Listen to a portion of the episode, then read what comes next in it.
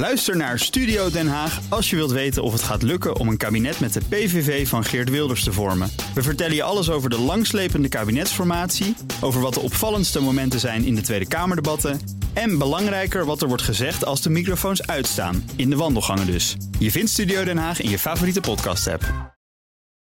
Auto-update. Ja, en van wandelen naar het next best. En dat is gewoon autorijden. En dat doen we met Nout Broekhoff. Nout, goedemorgen. Goedemorgen, kom je ook van A naar B? Dat ik maar zeggen. Ja. Absoluut.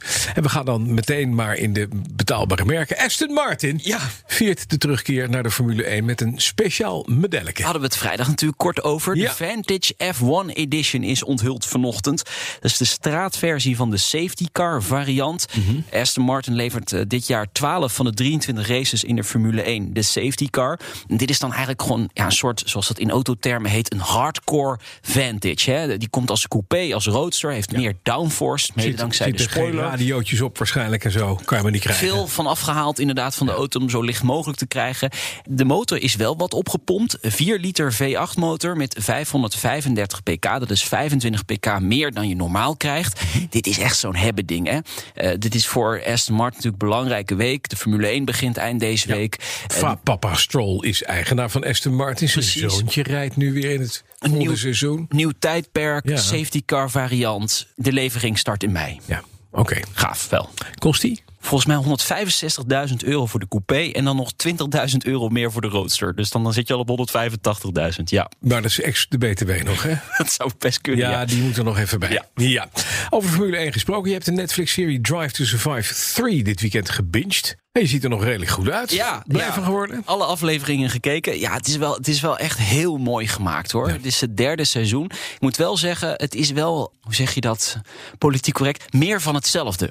Ja. Ja, dus het is, het eerste serie was natuurlijk, wauw, gave serie. Want je kreeg een inzicht in wat er achter de schermen Precies, gebeurt de allemaal. tweede serie was, oh ja, ja, dit kennen we van de vorige keer, maar is weer wat uitgebreid. En nu is het eigenlijk de derde serie, is alles. Boring, zeg het maar. Nou, het is niet saai, maar Nee. je hebt wel verschillende verhaallijnen die interessant zijn. Natuurlijk de impact van de coronacrisis. Ze hebben Ja, de strijd tussen Bottas en Hamilton hebben ze uitgelicht. Het rampseizoen eh, van Ferrari kun je zien. De leidensweg van Albon bij Red Bull Racing. Dus ze hebben echt wel hele goede verhaallijnen gekozen.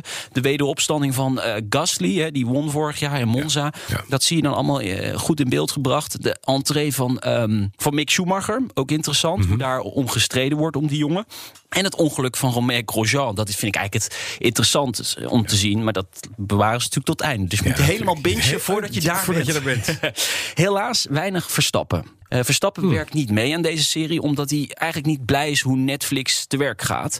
Eh, ze knippen dan bijvoorbeeld quotes eh, op de verkeerde momenten.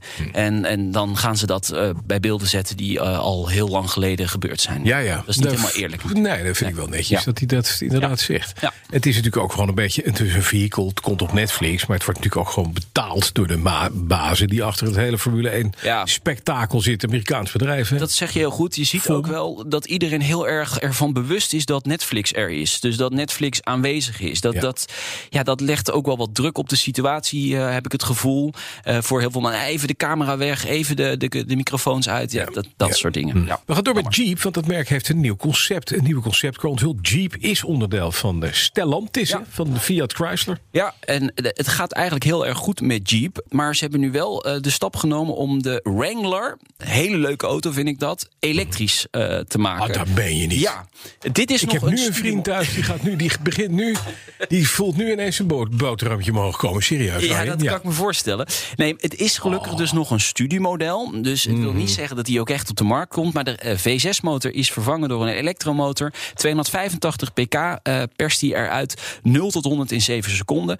Allemaal prima waarde natuurlijk. Ja. Het duurt wel nog een paar jaar voordat die echt op de markt gaat komen. Als die überhaupt komt. Ja, nou deze vriend heeft een LS1, dus een Ja. Corvette motor, Ja. in zijn Wrangler gehezen.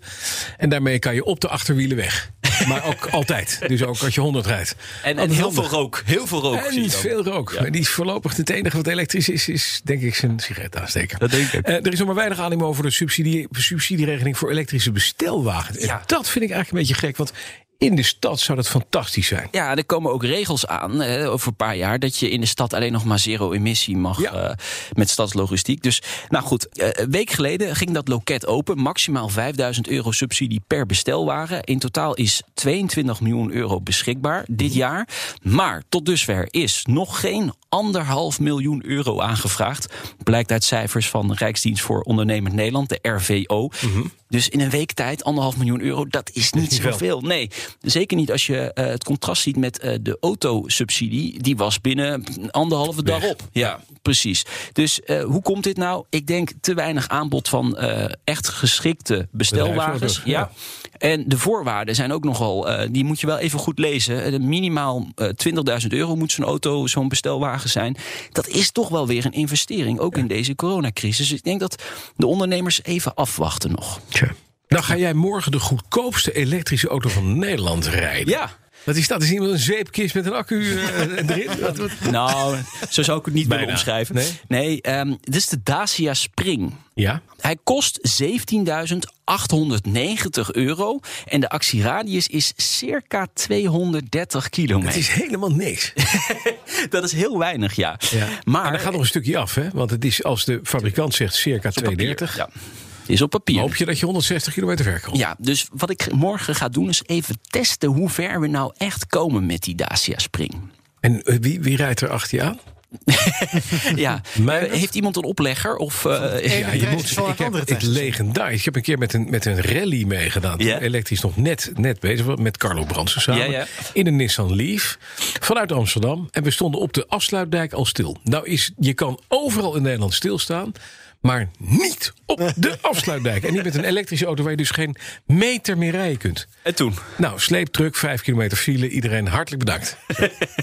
Daar zijn beelden van, hè? Ja, die zijn mij. er ook nog. Ja, ja. Maar jij gaat morgen. Maar even nog terug. Een Dacia van 17.000 euro. Van 17.890 euro, Ja. volledig elektrisch. Ga ik morgen rijden. Vrijdag in de autoshow hoor je er meer over. Ik ben zo benieuwd Dit waar is je cliffhanger. Mensen zitten nu al aan de buis of aan de radio Ja, gekluisterd om vrijdag. Zie je straks een Dacia Spring langs de kant staan met een zwetende vent erin? Dat is dus het Broekhoff. De auto-update wordt mede mogelijk gemaakt door Leaseplan.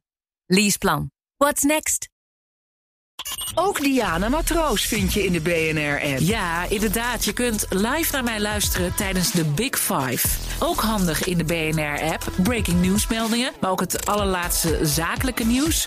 En je vindt in de app alle BNR-podcasts, waaronder Wetenschap Vandaag. Download nu de gratis BNR-app en blijf scherp.